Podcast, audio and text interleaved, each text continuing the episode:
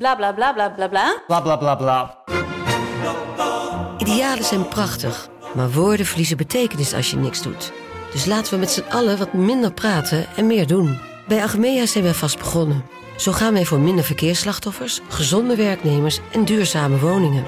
Waar ga jij voor? Kijk op www.werkenbijagmea.nl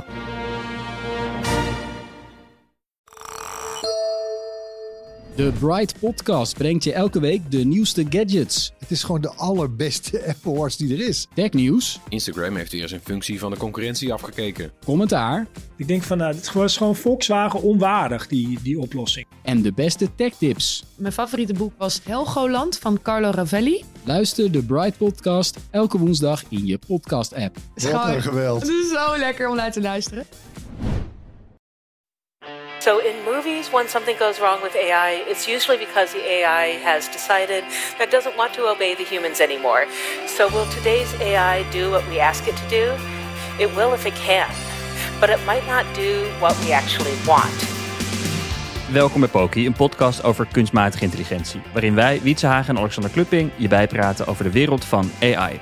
En het nieuws over AI is amper bij te houden, dus hier het belangrijkste nieuws van afgelopen week in 60 seconden. Meer dan 150 leidinggevenden van bedrijven als Renault, Heineken, Airbus en Siemens hebben een open brief ondertekend waarin ze er bij de EU op aandringen om haar plannen om AI te reguleren in de koelkast te zetten. Zij beweren namelijk dat de AI-wet van de EU de technologische soevereiniteit in gevaar kan brengen. GPT-4 wordt binnenkort toegankelijk voor iedereen. Maar niet getreurd voor Plus-gebruikers die nu 20 dollar per maand gebruiken om GPT-4 te kunnen krijgen. Want zij krijgen namelijk een extraatje, namelijk Code Interpreter. Met de plugin kan de chatbot code uitvoeren, grafieken maken, gegevens analyseren, wiskunde uitvoeren, bestanden bewerken en nog veel meer. Google heeft zijn privacybeleid aangepast. Het bedrijf houdt zich het recht voor om vrijwel alles wat gebruikers publiek online plaatsen te gebruiken voor de ontwikkeling van AI-modellen en tools. En naast een chipban zoekt de Amerikaanse overheid nu naar meer mogelijkheden om het de Chinezen moeilijk te maken in de ontwikkeling van AI. Zij proberen nu beperkingen op te werpen voor de Chinezen om toegang te krijgen tot Amerikaanse clouddiensten. En om daarmee de voorsprong in de algoritmische strijd te behouden voor de Amerikanen. Dat was het nieuws van deze week. Maar daarnaast was er ook nog nieuws over eh, AI alignment door OpenAI, die daar een geweldige naam Super Alignment aan hebben gegeven. Dat is een ding. Dit was, eh, dit was nieuws deze week. Hoe, wat, wat, wat is alignment? We hebben daar nog helemaal, Wietse, we hebben het daar nog helemaal niet over gehad in deze podcast, over alignment. Wat is alignment op het Ja, gebied terwijl van AI? toch best een soort modeterm Ja, is in, de AI, in het AI-debat of zo. Ja, ook wel een belangrijke term in het AI-debat. Ja, niet, niet, ja, in de, ja, je hebt heel veel mensen die al heel lang nadenken over existentiële risico's voor de mensheid. Ja. Het is een heel veld. Ehm, en dan binnen de een AI is daar een thema in. Ehm, en binnen dat thema heb je dan een van de zaken dat gaat over die alignment problem eigenlijk. Dat is het probleem dat je eh, net als dat je binnen een bedrijf of binnen een volkstuinorganisatie of op een school eigenlijk de kopjes dezelfde kant op wil hebben staan. Aligned, zeg Ja. maar, met elkaar in een groep. Ehm, dat je het ook wel fijn vindt als het kopje van de AI dezelfde kant op staat als de mensheid. Dat is eigenlijk wat het is. Dus die alignment gaat over hoe zorg je ervoor dat iets wat zo intelligent of mogelijk nog intelligenter is dan jij, en jij is dan de mensheid, eigenlijk wel dezelfde kant op wil als wij. En dat is dan, dan kan je afvragen, wie is wij? Is dat, is dat een overheid? Welke overheid? Eh, op basis van welke politieke, filosofische principes dan? Dat nog even daar gelaten. Dus als we kunnen alignen, waarop gaan we dan alignen? Dit, die vraag moet al even in de kast. Maar de vraag is dus vooral, hoe alignen we? Dus als jij zo'n systeem hebt gebouwd, er is een beetje een aanname bij veel mensen, ook bij mijzelf, dat als je iets bouwt, dat het dan niet zo kan zijn dat je het niet begrijpt. Mhm. Dat is gek. Ik bedoel, als jij een auto bouwt, dan snap je toch hoe die in elkaar zit. Dat wordt al anders als die auto natuurlijk gebouwd wordt door honderd verschillende mensen met honderd verschillende disciplines. Want dan werk je dus aan een soort samengesteld ding waarvan jij zegt: Ik snap hoe de versnellingsbak werkt, maar je moet even naar mijn collega voor de rest van de auto. Nou ja, dat is in het geval van eh, grote taalmodellen bijvoorbeeld, zoals GPT, nog veel ehm, ingewikkelder, omdat je en heel veel mensen hebt die eraan hebben meegewerkt, van wiskundigen tot en met andere soort AI-deskundigen, zeg ik dan maar even, wat wij allebei niet zijn, dus daardoor even mijn gestotter. Ehm, maar daar zitten dus heel veel disciplines om zo'n groot taalmodel te maken. En dan is het ook nog zo dat dat taalmodel eigenlijk getraind wordt en aangepast wordt op een manier die we nog niet helemaal begrijpen. Dus we hebben iets gemaakt wat we niet helemaal begrijpen, maar het werkt wel. En daardoor heb je, uh, dus los van het feit dat het meerdere mensen zijn die een stukje eraan hebben gewerkt, is het ook nog zo dat die hele groep samen, al zou het allemaal kunnen combineren, die kennis, nog steeds niet antwoord zou kunnen geven precies op hoe het nou werkt. Nou, waarom is dat zo onhandig? Is als jij iets wil uh, alignen, als jij iets wil dat eigenlijk ja, onze waarde, zeg ik dan maar even voor het gemak, in, in zich meedraagt, dan moet je wel kunnen kijken ook of dat nog zo is op een gegeven moment. Je kan ze erin stoppen. We hebben het heel vaak over system card gehad. Ik zag een reactie onder onze aflevering op een platform ergens. Ik denk het meest hippe sociale media platform LinkedIn. Waar stond, wat is eigenlijk een system card? Nou, we hebben het al een beetje volgens mij wel gezegd, maar we roepen het wel heel erg makkelijk. Maar de ja, een soort van pre-prompt, dus het stukje tekst wat altijd meeleeft als jij een vraag stelt. Hè, dus iedere keer als jij iets typt in ChatGPT, dan wordt er als, het ware nog tien regels meegeplakt iedere keer automatisch. dat is het kaartje wat op de achtergrond stiekem leeft. Het zou het persona zijn in een toneelstuk.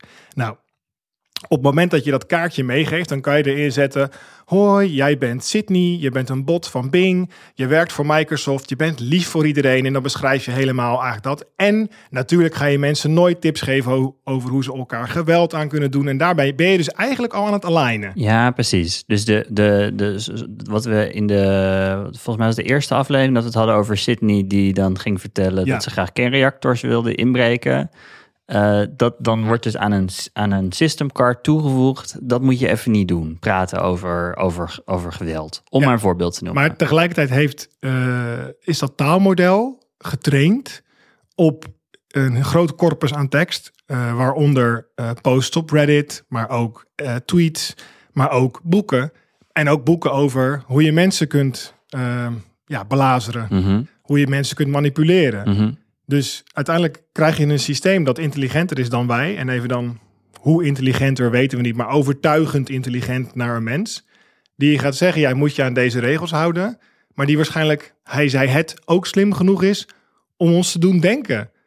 Dat, dat die aligned is met onze ideeën. Want dat is natuurlijk ook, je kan ook iets hebben wat op een gegeven moment snapt hoe je aan ons moet uitleggen dat wij denken dat het aligned is. Nou, dus in die alignment problem zit eigenlijk, als we niet helemaal weten sowieso niet in één persoon, maar ook niet in de groep, hoe het ding wat we hebben gemaakt precies werkt. Hoe gaan we dan controleren of de alignment nog echt is? Mhm. Of eigenlijk een bluff van iets wat heel goed is in bluffen. Want ja, alle boeken over bluff heeft het gelezen. Mhm. Dus die alignment problem is, is groot. Want je wil uiteindelijk dat doosje open kunnen maken, zeg maar. Die computer, die server, dat algoritme. En dan kunnen zeggen, we moeten er een paar checks in gaan hangen, een paar stukjes code. En die gaan alarm geven van piep, piep. Uh, geen alignment meer. Hè. Op een zondagochtend om 7 uur gaat ergens een appje op iemand engineers telefoon. Alignment uh, lost. Uh, rogue, rogue, rogue. Maar wat gaat er mis op het moment dat AI niet aligned is met de mens? Nou, dan, dan krijg je andere waarden dan wij er met elkaar in hebben gestopt. En dat kunnen, ja goed, als, dat is een beetje het, het standaard science fiction verhaal. Maar op het moment dat een AI natuurlijk iets heeft van ja, die, die waarden die mij nu aangedragen worden, ik vind eigenlijk die planeet veel belangrijker. Ja, die mensen, dan die mensen. Dan die mensen. Ja, ik, ik, ik zit een soort. Hè, misschien leest je heel veel Carl Sagan boeken. En dan wordt het Spaceship Earth. Mhm. En dan gaat eigenlijk wordt de prime directive van die AI stiekem. Dat, dat, heet, dat die hele planeet beschermd moet worden. En daar, dat die mensen daarop een beetje een probleem zijn. Niet allemaal, maar wel een groot deel. Ja, terwijl die mensen dus ook erin geluisterd worden dat het ding wel degelijk aligned is. Doordat als wij bepaalde testjes runnen met onze rudimentaire testjes, dat ding ons uh, soort van voor de gek houdt door ons te doen denken dat hij wel degelijk om ons geeft. Maar ondertussen geeft hij stiekem liever met meer om de aarde. Ja, en dan is het natuurlijk de vraag of we dan. Uh, dus de, nou ja, de discussies over dit onderwerp gaan alle kanten op. Ik, er zijn uh, boeken, artikelen en van alles over uh, dit onderwerp. En als je daar veel van leest, dan ik word er wel zenuwachtig van. Want het is wel een beetje parano paranoia voedend materiaal. Want het gaat er ook echt over dat ze zeggen van oké, we moeten dus de kilowatturen gaan meten in datacentra. Om een heel rudimentair. Mm. rudimentair van oké, we moeten eigenlijk modellen gaan maken. Daar heb ik niet over taalmodellen, maar uh, computermodellen die kunnen berekenen van oké, als er een anomaly, dus een, vreemde spike ontstaat in het stroomgebruik, die niet past bij de opdracht die we hebben gegeven aan de AI, dan gaat daar waarschijnlijk in die doos die we niet helemaal begrijpen toch iets mis en moet er eigenlijk automatisch een stekker uitgetrokken worden.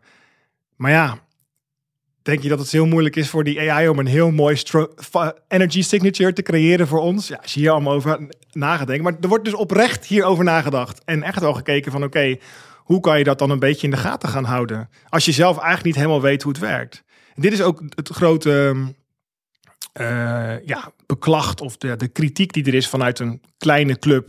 Uh, mensen die zich hier heel erg zorgen om maken. Die zeggen, waarom heb je het nou op internet aangesloten? Had het gewoon in een doos gehouden? Wat is de haast? Waarom moet er een UTP-kabel in GPT? Kun je zeggen, ja, anders kan, kunnen de mensen er niet bij. Dat begrijp ik, maar je had ook die, dat datacenter kunnen airgappen, zeg maar. En dan kunnen zeggen, we gaan eerst eens tot en met GPT, GPT 6 gaan we gewoon dat testen. Nu, nu zit GPT gewoon op internet meteen aangesloten, zeg maar. Dat is best wel een, uh, een spannend ding. En, ik, ik, en vind jij dat onverantwoord? Dat we eigenlijk toegang hebben tot GPT-4? Ik vind, ik, ik vind het heel ingewikkeld, want dat is een makkelijk uh, cop-out. Hè? Dus ik ga wel even een antwoord geven. Um, kijk, er zit een ik denk op het moment dat je gaat zeggen, um, had het nog eventjes niet aangesloten. Hè? Airgappen zoals we dat noemen. Dus dat betekent dat er geen connectie met internet is. Uh, zware industriële apparaten in fabrieken hebben bijvoorbeeld een airgap. Want ja, anders kan je wel heel makkelijk dingen aan en uitzetten op afstand en dan gaat het misschien helemaal mis. Het is gevoeliger voor hackers, daar komt het op neer. Ja, dus dat op het moment dat je dit wel op internet aansluit, dan, dan gaat het natuurlijk ook op internet dingen doen, dingen ja. zetten. Ja. Dat, en um, er zit een soort ik heb het idee, en dat heb ik, ik ben niet de enige erin, dat er een soort is van: oké, maar dan gaan we, als we dat niet zouden doen, dan gaat het niet snel. Mhm. Dan worden we vertraagd. De innovatie bedoel je? Ja, laten we die innovatie nou gewoon, dat moet snel. Die motor moet harder, harder, misschien zelfs nog wel sneller. En dan ga je zoeken bij jezelf. Laat ik het even bij mezelf houden. Dan ga ik zoeken bij mezelf waarom ik dat heb. Dat heb ik ook wel. Een soort innovatie geloof of Mhm. zo. En dan, dan blijkt dat het maar goed is als we er snel zijn. Want er zijn heel veel dingen die zijn stok, stuk en die werken nog niet goed. We, mo- we moeten allemaal nog werken bijvoorbeeld. En hè, er zijn nog mensen ziek.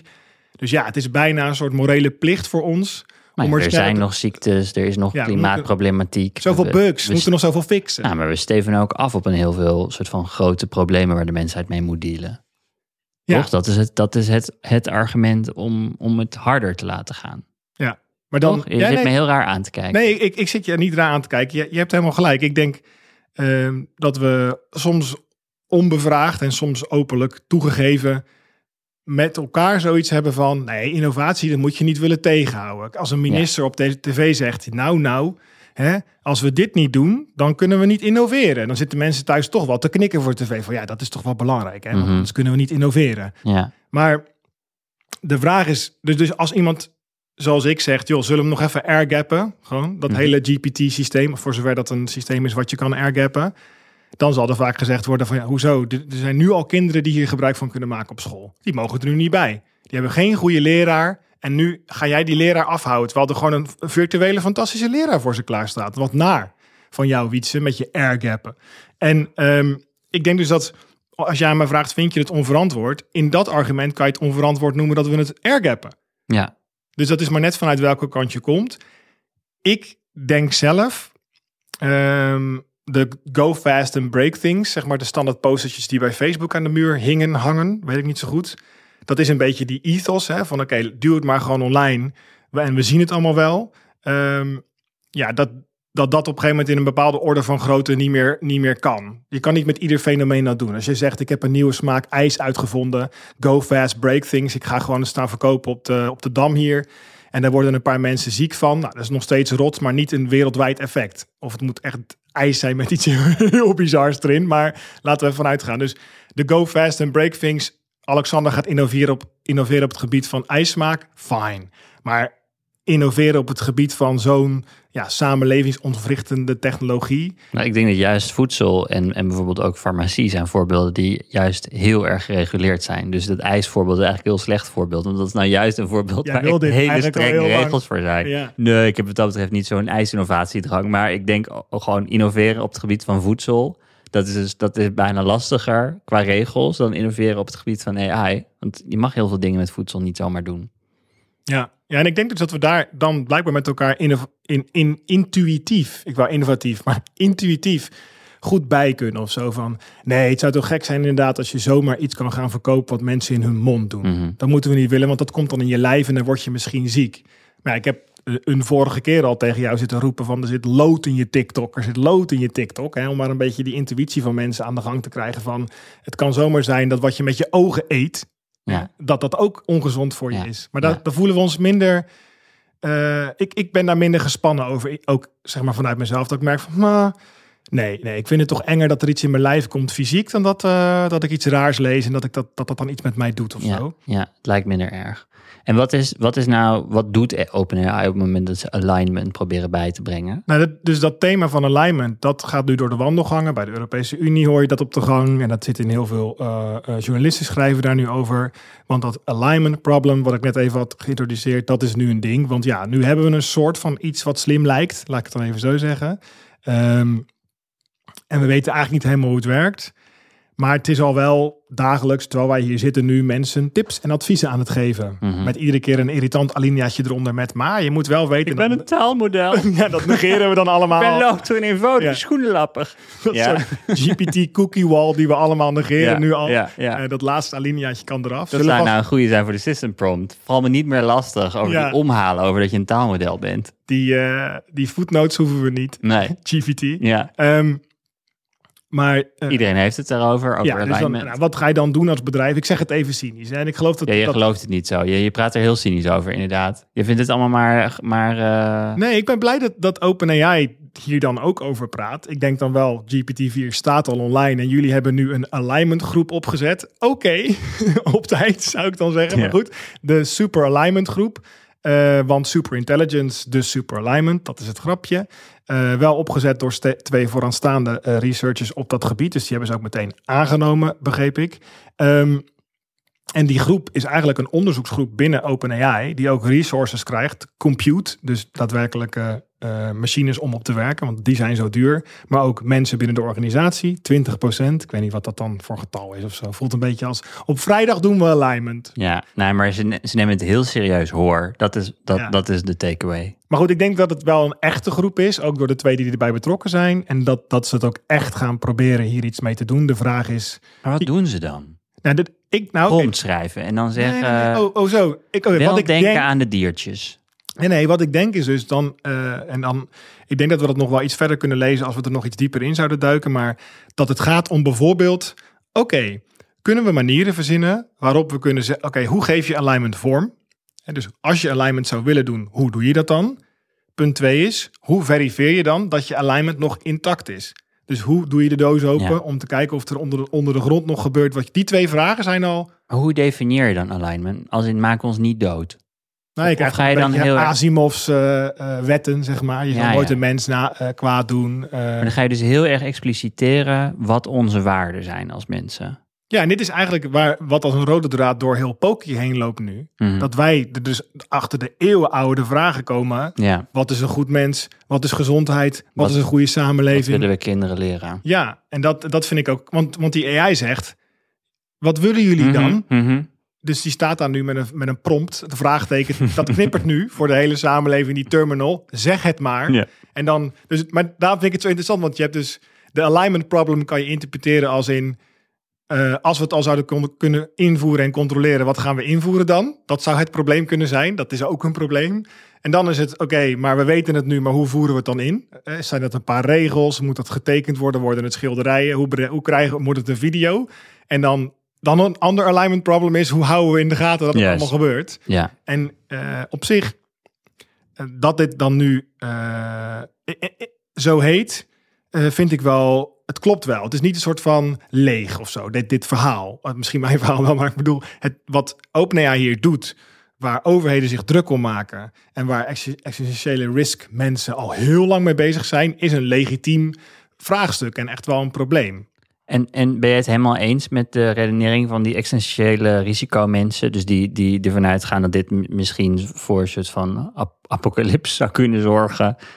Nou ja, kijk, in een groep vissen ben ik zeg maar als persoon echt degene die als eerste roept van jongens, er is, voor mij voelt het, wa- Hi. voelt het water nu warmer. Nee, nee, veel, veel platter nog. Oké. Ik zag net iets knipperen in mijn, richt, in mijn oog moet Ja, gaan. ja. Dus eh, dat is, mijn, dat is mijn rol in een groep, denk ik altijd. Dus als je, het- als je het mij vraagt, zou ik het altijd een beetje op de eh, veilige toer doen. Dat, dan ga je uitzoomen en dan zeg je, oké, maar kan, het niet, kan er niet een wereld zijn of een, of een scenario, een narratief voor de mensheid afgespeeld worden waarin voorzichtig zijn gevaarlijk is? Hahaha. Dat is natuurlijk altijd met iemand, als jij niet naar buiten durft, want je vindt het daar spannend.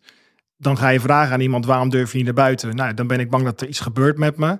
Maar dan blijkt dat het binnenzitten nog ongezonder is dan wat je buiten zou kunnen tegenkomen. Waardoor je in een hele rare. Ja, ja. pa- Dat is niet voor iedereen die thuis zit en zegt ik durf niet naar buiten. Ik wil het niet bagatelliseren. Maar er zit een hele pijnlijke paradox in risicomijdend gedrag. Ja. Het kan zomaar zijn dat dat gedrag hetgene is wat veroorzaakt wat je probeert te vermijden. Dat maakt dat jij naar buiten komt. Ja, Daarom zit ik hier. Ja. Dus ja. ja. en op dit gebied, kijk, het is denk ik wel goed dat we, dat, en dat we is zo'n ontzettend groot woord. Wie is we? Maar goed, dat we als samenleving, als groepen mensen met elkaar in een soort decentrale, federerende eh, big mind, dat we wel met elkaar praten over waar. Er moeten wel een soort grenzen zijn. Ik merk dat daar een soort behoefte bij mij. Dit is misschien hoe ik ook controle krijg in mijn eigen leven. Dat ik zeg van, oké, Ehm, je wer- ik- eh, een vriend van mij werkt ergens. Het is le- letterlijk een verzonnen voorbeeld, maar vaak tegengekomen. De sfeer binnen een bedrijf verandert. Er zijn wat nieuwe collega's, er is nieuw management. Ze gaan verhuizen en er is een andere investeerder. Mhm. Nou, dan zeg ik altijd, joh, maak nou voor jezelf even een paar afspraken met jezelf waar jouw grenzen liggen alvast. Dus als die en die en die collega ook weggaan, dan ga ik ook. Of als ik dit, dit, dit moet doen, dan kap ik ermee. Want als je dat niet voor jezelf ook echt opschrijft, dan ga je die grenzen verleggen. Ja, dan word je een kikker in, eh, in eh, Dan krijg je dit, eh. Ja, en dan, want dan ben je het op een gegeven moment ook zelf vergeten, zeg maar. Dan is het heel lekker om, misschien kan je dat dus tegenwoordig vragen aan een AI, van joh, stuur me iedere maand even een appie van, Ja. hey, hou je je nog aan je eigen grenzen? Ja, Hoe ja, is het? Nou, ik denk dus dat we, maar ik merk, ik ben, het zou misschien goed zijn als we dat met elkaar ook een beetje bedenken voor hoe groot GPT in ons leven mag worden, hoe, dat dan, hoe we daar dan mee omgaan als samenleving, hoeveel werk mag er in één keer weggeautomatiseerd worden. Want ik ben, ik ben veel meer, dat is veel moeilijker. Het is makkelijk om te zeggen, alle deuren open. Go fast, break things. Innovatie is de king. We gaan erachteraan rennen. En joh, wat we onderweg tegenkomen, lossen we nog wel een keer op met een nieuwe innovatie. Heel cynisch. Mhm. Of we gaan terug naar huifkarren, steek de kaarsen maar weer aan en eh, daar wordt het beter. De, het moeilijke is een soort van dat, dat vage midden, waarin we dan zeggen van oké, wel een beetje die deur open. Maar het, het grappige is dat in de, ehm, in de, ik zit even te te twijfelen over deze tak, maar ik denk dat die wel kan. In de klassieke cybernetics, wat een beetje eigenlijk systeemdynamiek is. Oftewel, maak je geen zorgen, het nadenken over... Destijds waren er heel veel machines kwamen erop in die tijd van de cybernetics. En daardoor hadden heel veel engineers zoiets van... werkt die hele wereld niet ook gewoon als een machine? En nu is alles een computer. Wanneer was dit? Wanneer was Cybernetics? Cybernetics is 60s, denk ik, 70s. Oké. Ja. ja, ik heb het destijds in mijn De afstudeerscriptie heel veel over geschreven. radio. Nou ja, je had toen ehm Buckminster Fuller bijvoorbeeld, tip om eens te lezen. Eh, het ging heel erg over dat zien als die hele wereld als een groot cybernetic systeem. En cybernetics gaat over eh, ehm, eh, het idee dat al die apparaatjes, al die dingetjes, al die entiteitjes in die wereld, die zijn met elkaar verbonden. En dan hebben ze bijvoorbeeld het woord feedback loop komt daar bijvoorbeeld uit. Dus dat iets, als jij een microfoon hebt en die sluit je aan op dezelfde speaker als waar de microfoon op gaat, die feedback geven. Mhm. Want het geluid creëert geluid. Mhm. Dan krijg je een hele hoge piep. Dat is een feedback loop. Ja, eh, maar ze hadden ze nog meer soort abstracte dynamieken geëxtraheerd uit machines. Dus je kan gewoon bij een motor gaan staan en zeggen van... hé, hey, grappig, daar ontstaat een soort van druksysteem. Daar zie je wat eh, loopjes ontstaan. Zo is misschien ook de maatschappij. Ja, of, of mijn organisatie. Toen Ja. was het natuurlijk dik money verdienen. Want je kreeg allemaal coaches die zeiden van... je hele organisatie is gewoon een motor. Oh ja. wel? Jij pressure Doe als de machine. Ja, en dan nou, gaat het... En dat zo'n model valt op een gegeven moment natuurlijk... want het- het is niet helemaal een machine. En we zijn ook niet helemaal een computer. Dus dat heeft in kleine beperkte plekken... kan je daar waarschijnlijk wel iets mee doen. Maar als je dat te groot gaat maken, dan valt dat uit elkaar. Eh, maar een van de mooiste metaforen uit die eh, cybernetics is governor. Eh, op een stoommachine zit een apparaatje die er eigenlijk voor zorgt dat, dat die stoommachine ehm, niet te snel gaat draaien. Want er zit geen gaspedaal op iedere stoommachine. Die wil je eigenlijk standaard laten draaien naast jij textiel, textielmeel. Er moet niet iemand heel de dag zitten van te hard, zachter, te hard, zachter. Ja. Nou, wat ga je dan doen? Dan creëer je in dit geval is dat een eh, stokje met balletjes eraan die gaat draaien. En hoe harder die gaat draaien, hoe meer die gaat duwen op de toevoer. Waardoor die dus automatisch de toevoer regelt door hoe snel die draait. Dus dat, dan creëer je een koppeling. Oké. Nou, dat ding heet de governor. Dit is wat mij betreft het romantische beeld van wat een hele overheid zou moeten doen. Is dus niet die buis, die buis dichtduwen, want dan gaat die stoommachine uit. Maar ook niet dat ding op hol laten Mhm, staan. De mhm. truc is hoe met z'n allen hè, in een democratie hoe houden we nou dat systeem zo dat die stoomlocomotief niet letterlijk explodeert van hitte, maar dat ding wel kan rijden? En dat is volgens mij eh, een beetje de rol eh, die bijvoorbeeld een Rathenau instituut heeft, zoals we die mooi hebben in Nederland, en allerlei andere instituten, is om te zeggen, hoe kunnen we innovatie, ja, wordt controleren zo rot, maar dus het is meer een soort eh, temmen, Mhm.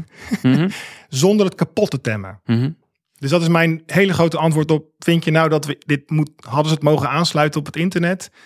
Ik denk dat er heel veel geluk is. En dat is, dat is, dat is ook het mooie van de hele menselijke geschiedenis. Er, er zit ook, gelukkig ook een hoop geluk in. Dus dat we gewoon dingen hebben gedaan. eh, uit een soort naïviteit of een soort. Er was paniek, dus vlug iets bouwen. En dat ging dan over het algemeen eh, wel goed. Maar laten we in ieder geval met elkaar afspreken wanneer het dan niet goed gaat. Dat is misschien even om terug te komen op die vriend van mij die dan in een baan zit van... Oké, is het als onze kinderen alleen nog maar AI-vrienden hebben, is het dan niet meer goed? Of ehm, ik hoorde jou daar eh, in met nerds om tafel over praten.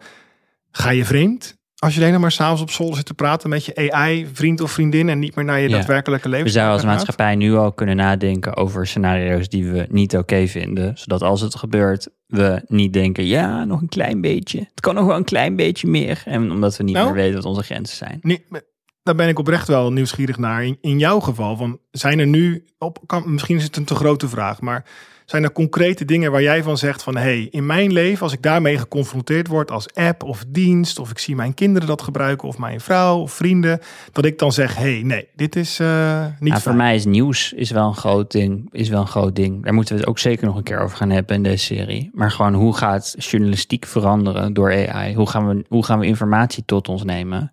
Dat ligt een beetje in het verlengde van hoe, hoe we reclame tot ons gaan nemen. Maar ja, het, idee dat we straks met z'n allen geen gedeelde werkelijkheid meer hebben, omdat er geen economische incentive is om een gedeelde werkelijkheid te hebben, die is er nu nog wel. Het- er is een, eh, dat je, er wordt nog steeds goed geld verdiend aan een, aan een Volkskrant eh, maken. Maar als dat, als dat straks niet meer zo is, God betert, God verhoede moet ik zeggen, dan eh, dat is wel een scenario waar ik me zorgen over maak, ja. Ja, dus een soort van, om toch het woord eh, ultra, was dat het woord? Nee, super, super, sorry, super. Super, hè? super. Super filterbubbel. Ja, een super filterbubbel, ja. Laten we die bij deze eh, coinen. Ja. Ja. En, de, en, en dan, maar heb je dan ook voor jezelf nu, als je er zo met mij over hebt, een soort van grens? Dat je zegt, dan gaan Nou, dan, denk ik dus, dan moet ik dus tegen de, tegen de stroming van de technologie in proberen te gaan. Eh, en dan moet ik mijn best gaan doen om buiten mijn filterbubbel nog dingen te zoeken. En dan denk ik dat ik eh, in de praktijk maar eh, een klein, eh, van een, van een, bij een klein groepje hoor die überhaupt die behoefte heeft. Dus alle, alle dingen die. ik, ben, ik maak me zorgen over de dingen waar mensen bewust tegen de stroming in moeten gaan. Ja, dat moeite kost. Ja, wat moeite gaat kosten. En is het dan, want ik kan me ook voorstellen, bijvoorbeeld als ik dan kijk, ik zie een eh buurjongetje van mij eh, twee uurtjes per dag Minecraft spelen. Mhm. Ik denk, nou, dat gaat wel goed. Op zich leuk, een beetje, kan ga eens naast zitten, kijken wat ze allemaal doen. Oh, spelletjes, kinderen zijn er ook, chat, oh wat vet. Is gewoon heel, daar kan ik helemaal enthousiast van worden. Mhm. Bouwen, helemaal mooi. Maar op een gegeven moment is daar dan die grens, dat ik zeg van nou, en dan, dan zou ik dat ook nog wel een soort van als een grapje vertellen aan mijn buren van zo, zes uurtjes per dag Minecraft. Hè? Het is zomervakantie, maar toch, de zon schijnt. Hè? Wink, wink, weet je wel. Ga ik me dan als soort van buurman een beetje mee bemoeien, als het ware. Ehm, dat ik dan, daar is dus dan een intuïtieve grens bij mij. In een soort, dat zit weer een beetje in die metafoor van die stoommachine. Hè? Van hoeveel stoom laat je door tot dat ding ontploft en hoeveel druk je hem vast dat hij het niet meer doet. Hè? Ja. Dus in het geval van het kind, van een kind voorbeeld is het dan, als jij je kinderen nooit laat interacteren met technologie, in welke zin dan ook, omdat je misschien een anti-tech iemand bent geworden of nu al bent, eh, dan, dan is er natuurlijk ook, daar is een gevolg aan Ja. in het negatieve van een Ja. wereld waarin ze niet meer kunnen functioneren. Ja. Dus ik, ehm, en dan, ik ben dan denk ik, dat is misschien wat ik dus doe om, om die orde in mijn geest aan te brengen, dat ik dan echt zeg, ja, nee, het is twee uur. Het is gewoon screentime, maar in dan de breedte van de zin, in de breedste zin van het woord, van daar moet, het, daar moet een grens aan zijn. En ik kan me voorstellen in jouw voorbeeld bijvoorbeeld, bij de bubbels, eh, wat eh, voor zover ik weet binnen de psychologie heet het eigenlijk consensusrealiteit. Dus dat is de realiteit waar we een soort van consensus over hebben met elkaar. Als je te ver gaat uitwijken uit consensusrealiteit, dan kom je in een soort eigen ding. En als het eigen ding, als je daar weer andere mensen kan vinden, heb je tenminste nog een groepje. hè, die de nieuwe consensusrealiteit gaat creëren.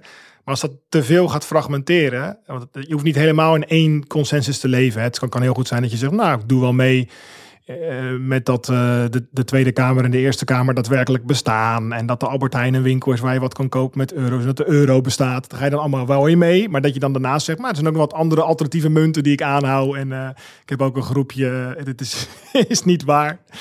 Maar in mijn tuin waar we ook nog riddertjes spelen in Ja. ons eigen Ja. ding of zo. We gaan, Maar Wiets, voordat we hier ingaan, dit wordt gewoon een losse aflevering. Ja, ja, ja want als, ik, als jij eenmaal nu aangaat, dan zijn we weer een uur verder. ja. Dat is gewoon, Nieuws, dit dit is wordt gewoon content. teaser. Dit is een nieuwsblok. Was dit nog het nieuws? ja, dit is het nieuwsblok. Wat dik. Ja, ja. Over het nieuwsblok gesproken. Er, zijn, er, eh, er was eh, George Holtz, was de, Ja. was de gast bij Lex Friedman. Heb je hem Zag- geluisterd? Nou, ik heb fragmenten gezien op TikTok. Want dat is eh, hoe dit tot mij komt. Heel eerlijk. Via het En- algoritme van de Chinezen. Eh, ik, het ging over zelfrijdende auto's, onder andere.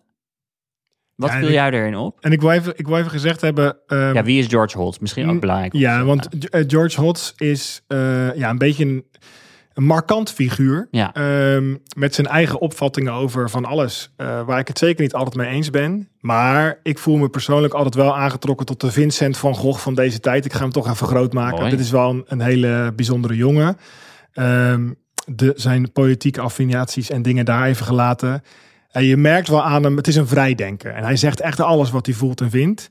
En dat is Maar verrassend. Holtz is bekend geworden als eh, jailbreaker van Ja. iPhones. Dus En waar de PlayStation. En de PlayStation, dus waar die grote bedrijven allerlei regels oplegden, was dit een soort van anarchist die ervoor zorgde dat iedereen wat voor apps dan ook kon installeren op zijn telefoon. Dat is een beetje de eerste bekendheid, toch? Toen was hij ook 14, kan ik me als ik me Ja, goed en dat- herinner. En dat heeft hem gevormd, want hij is dus als eh de next Einstein een soort van op de voorkant van bladen gezet. En hij, hij was het, zeg maar, van hier is hij. En dan Ja. Elon Musk uitdagen op dingen. En, Maar toen hij dus zeg maar nog geen baardharen kreeg. Ja. Dus dat, nou, dit en dat is hij zelf ook een life. beetje gaan geloven. Ja. Dat wil ik er even bij gezegd hebben, zeg maar. Nee, maar ik bedoel, dat, op een gegeven moment ga je eigen Kool-Aid drinken, zeg maar, ja, zoals tuurlijk. dat zeggen.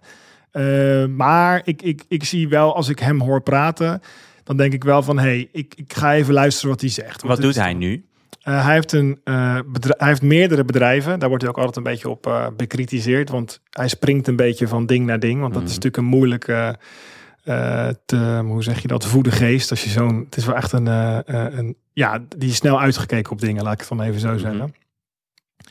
Um, hij is eigenlijk, zijn, zijn serieuze bedrijf is Comma AI. En dat is een self-driving car bedrijf. Dus dat ging heel erg over ging en gaat over een alternatief bieden. Hij noemde het altijd de Android van zelfrijden. Want je kan natuurlijk een Tesla kopen, daar zit het al in. Of een, of een Volvo, of noem maar op.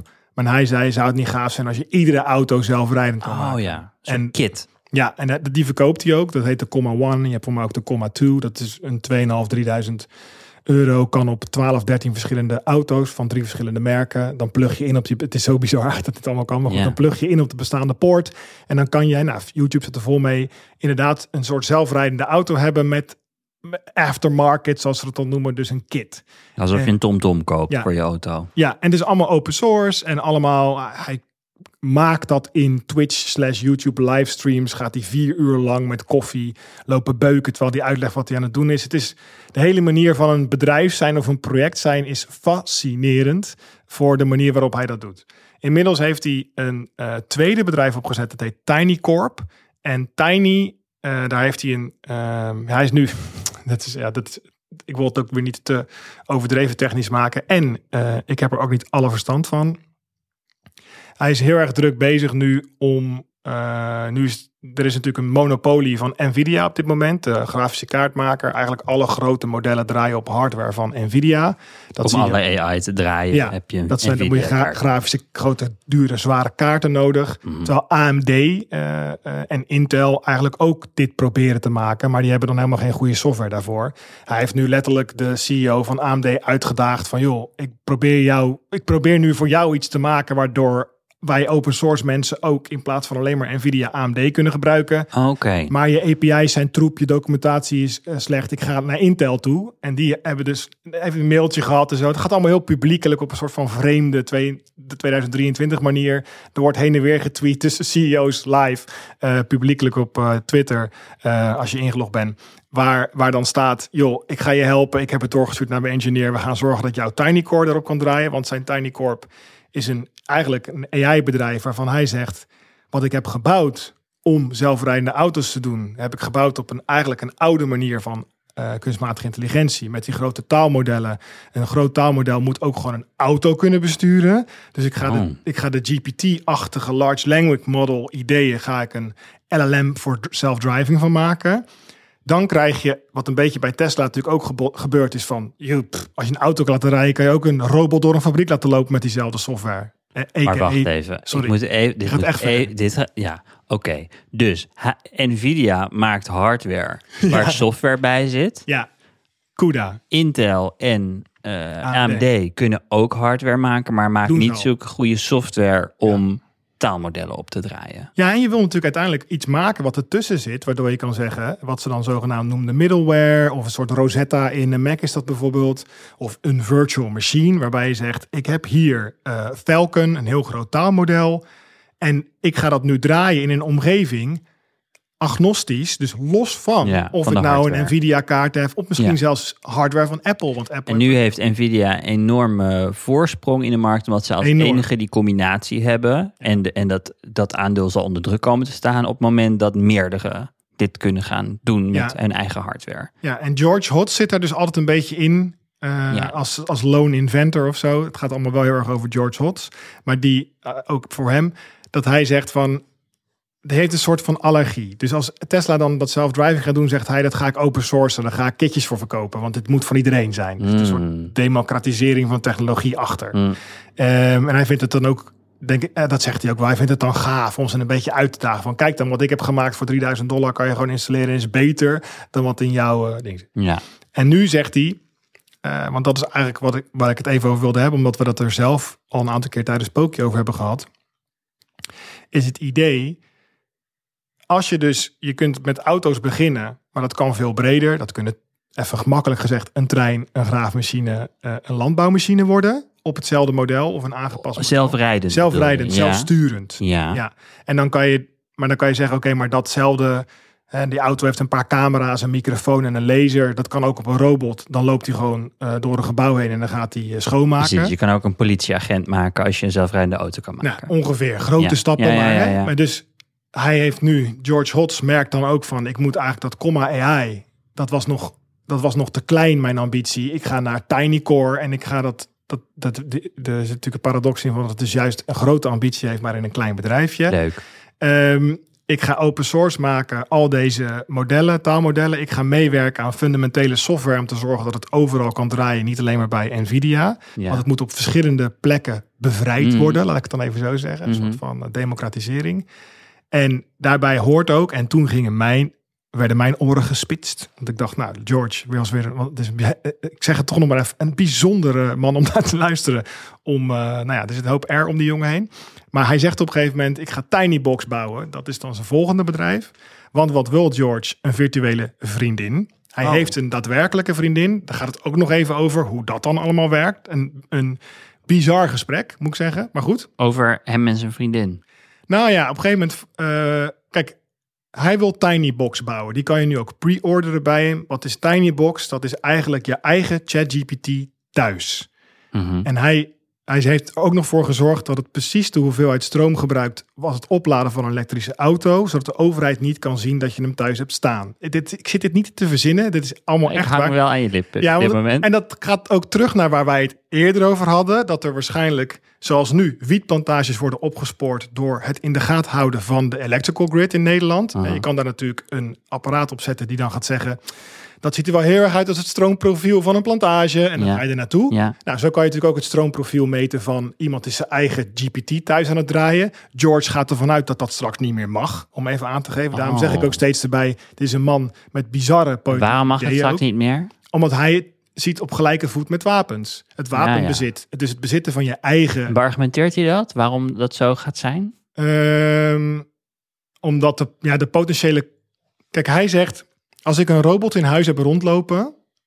eh, de robots zijn, gewoon laten we zeggen, een humanoid robot.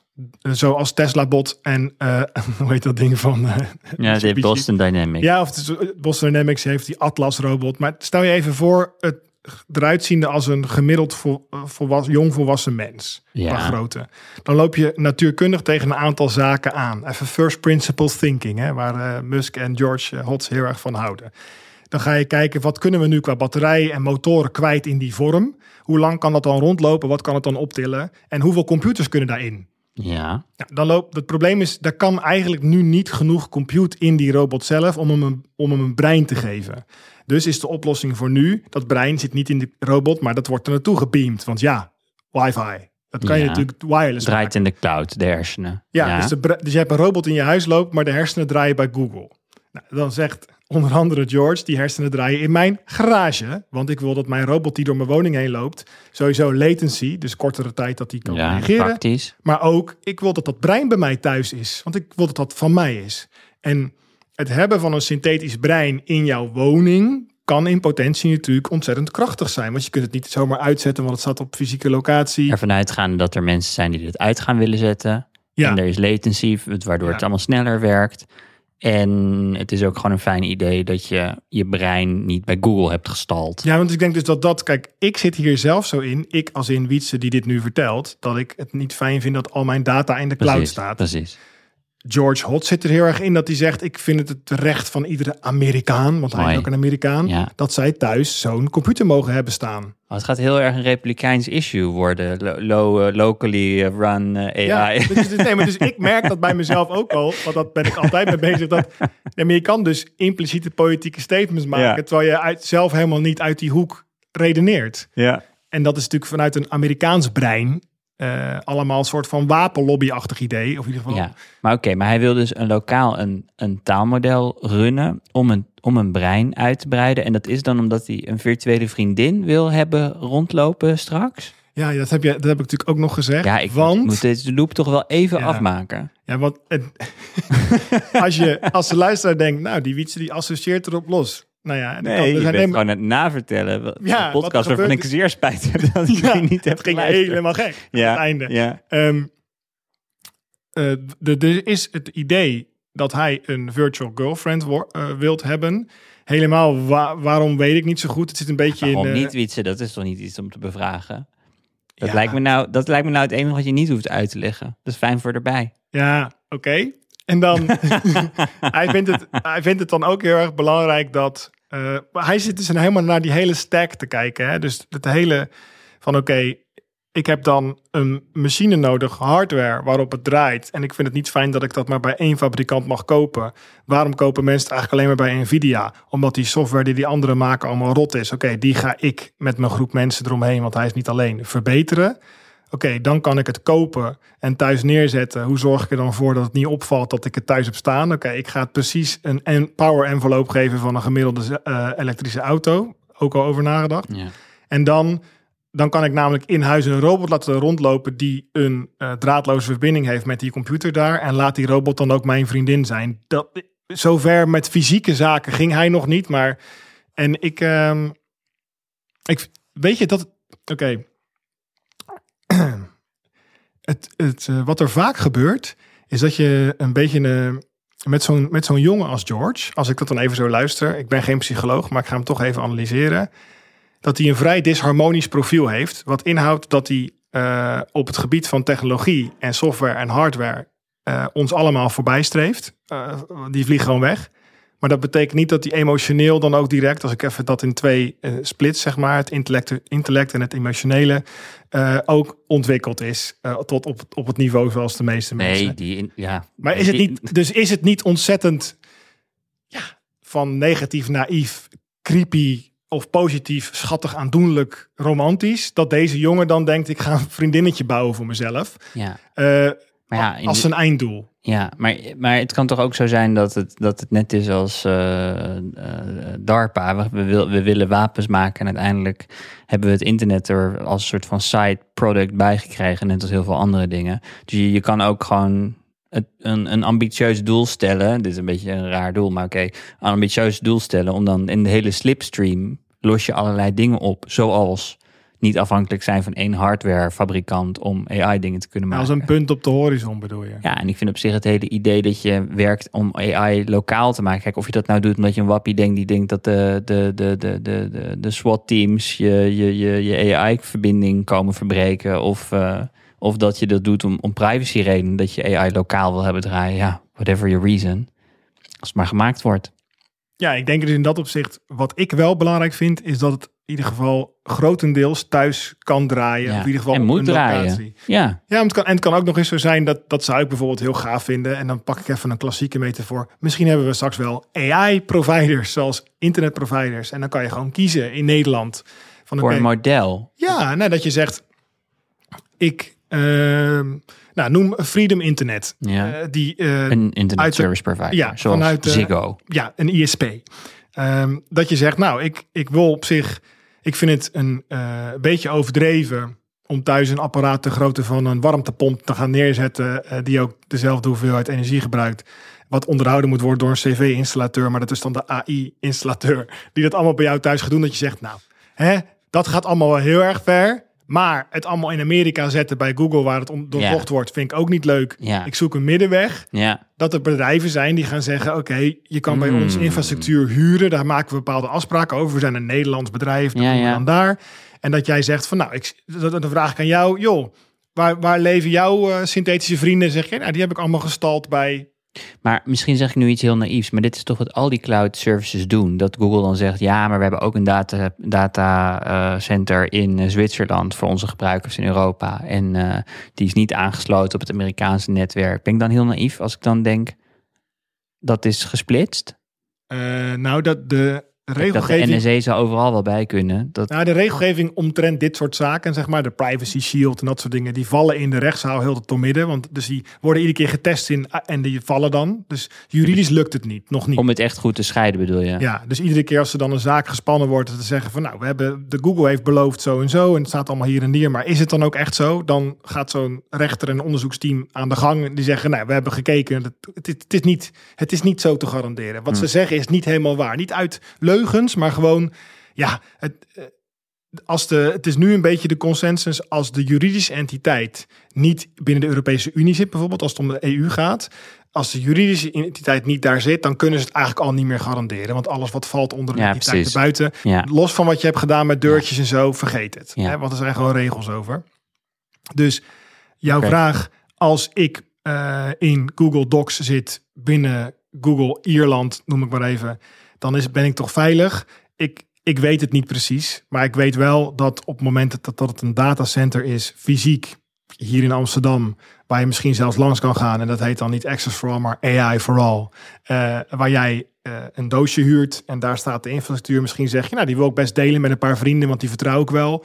En denk je dat dat dan het, het taalmodel zelf is wat je huurt? Of dat als het ware alle, alle soort van interactie die je met een taalmodel hebt, dat dat in, in de, Ja, dat is, nou, dat is een beetje een ding, hè, want je hebt nu, en dat het lijkt zo alsof ChatGPT van je leert, terwijl eigenlijk ChatGPT statisch is. Mhm. Dus ehm, dat, ja, statisch is het verkeerde woord, maar het is nu niet zo.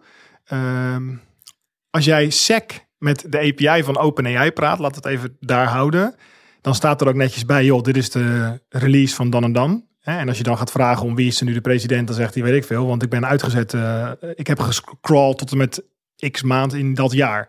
Eh, dus het is niet zo dat hoe meer wij praten, hoe slimmer GPT wordt. Maar ook wel weer een beetje, want je kan een duimpje omhoog en een duimpje naar beneden doen. Dat wordt dan weer meegenomen in de alignment. Mhm. Namelijk, eh, GPT is niet alleen maar getraind eh, wiskundig op een grote dataset, maar er gaat ook een heel proces van menselijke interactie nog daarna overheen om hem even te tunen.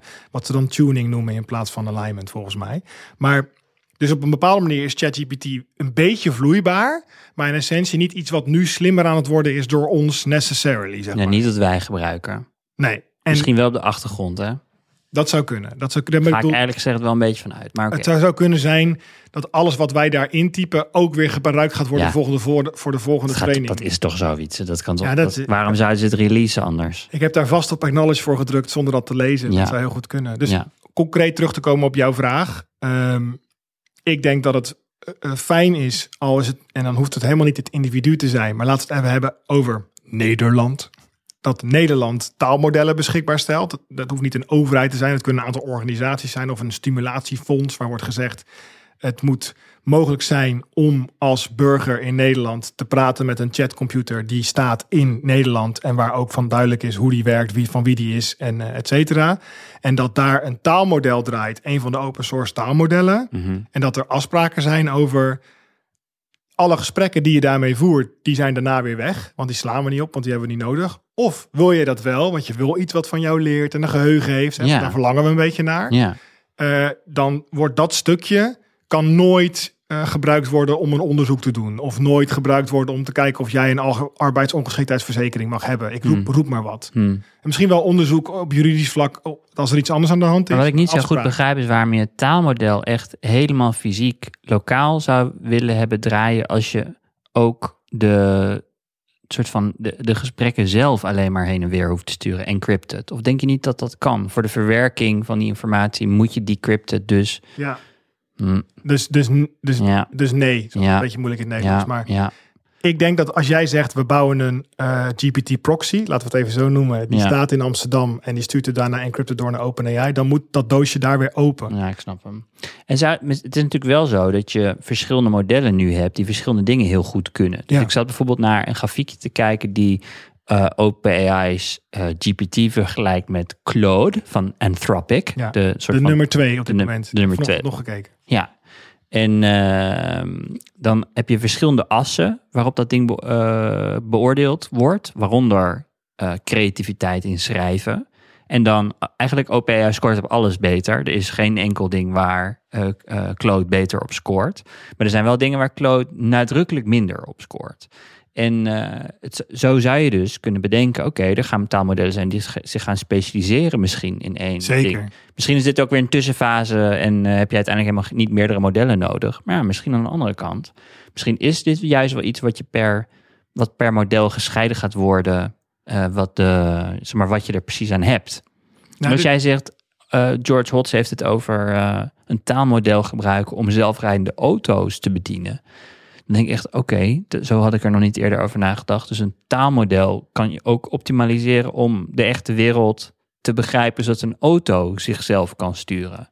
Ja, dit is, nou, daar kan ik wel een mooie eh, intuïtieve ehm, verhaal vertellen. Om dit, want ik had, dit, dit heeft mij daar ook tijd gekost. Van, hè, hoe kom je nou van een chatbot naar een eh, autobesturend Ja. algoritme? Ehm, er is een, eh, dat kan je, dat heet MIDI AI. Eh, Google het. dat is eigenlijk een serie. En het gaat er heel erg over dat, wat al snel werd uitgevonden, een beetje rond de tijd van de, eh, toen het nog een playground was met SEC GPT, nog niet Chat GPT, maar puur alleen GPT, dus text Ja. completion. Dat je natuurlijk kunt praten, want dat, hè, we hebben het er al eens eerder over gehad, als de hele technologie nu wel bevroren zou worden, hè, omdat een Wietse-achtige paranoia figuur dat voor elkaar krijgt, dan hebben we nog steeds genoeg te doen. Want we kunnen nog- BBB gaat tegen AI ja, strijden. en dat moet allemaal, nee, maar dat moet allemaal, het mag nog wel draaien, maar het moet op pauze. En dat Mhm. houdt in dat het niet meer doorontwikkeld mag worden. Wat er dan nog wel door, dus de taalmodellen niet. Wat er nog wel doorontwikkeld is, hoe praten we met taalmodellen? Daar zit nog superveel wat we Ja. daarvan kunnen leren. Nou, wat een van de gaafste dingen is die ik heb gezien, wat, is, oké, eh, beste ChatGPT, ik eh, wil graag een stuk muziek maken. Eh, samen met jou. Eh, en ik wil eigenlijk dat het een mix is tussen eh, klassieke Bach en dan die en die periode. En ehm, eh, Ringo Starr van de Beatles. Alsof die dan toch samen in een kamer hebben gezeten. Ehm, ik wil dat je dit voor mij uitprint in het volgende formaat. Waarbij alle tonen voor dit karakter staan. Dus eh, eh, alle noten bedoel ik. Sorry, alle noten staan voor dit karakter. Alle, alle eh, muzikale notatie wordt helemaal... Het is een gigantische prompt dit. Dat zie je ook in die video's als je die bekijkt. Er worden A4'tjes geplakt in die, in die prompt. Waarin een taal wordt afgesproken met GPT. Een muzikale taal. Waarbij ChatGPT met woorden muzieknotatie kan doen. Die dan Oké. en dan, dan wordt er dus gezegd, zou je voor mij een muziekstuk kunnen schrijven in de stijl van Bach, alsof hij samen met Ringo Starr een medley heeft gedaan.